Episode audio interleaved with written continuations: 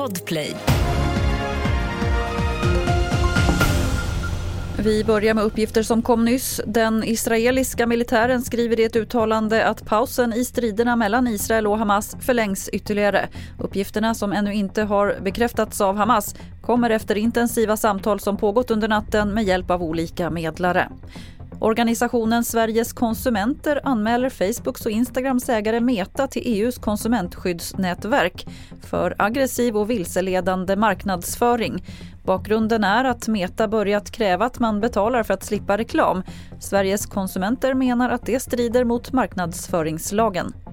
I grunden så anser vi att det här är en form av utpressning. Oavsett vilken knapp man trycker på så betalar man Facebook och Instagram eh, någonting. Antingen så betalar man med sin persondata om man väljer att tacka nej till prenumerationen eller så betalar man 150 kronor i månaden.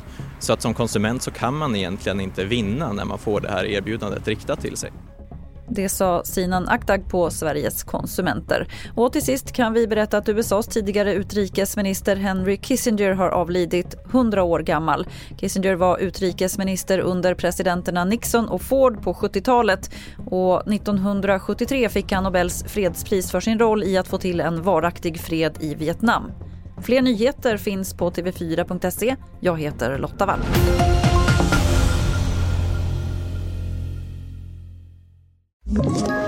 Ett poddtips från Podplay. I podden Något Kaiko garanterar östgötarna Brutti och jag, Davva, dig en stor dos skratt. Där följer jag pladask för köttätandet igen. Man är lite som en jävla vampyr. Man har fått lite blodsmak och då måste man ha mer.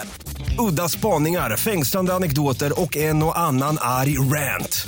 Jag måste ha mitt kaffe på morgonen för annars är jag ingen trevlig människa. Då är du ingen trevlig människa, punkt. Något Kaiko, hör du på Podplay. Därför arkadeinerna.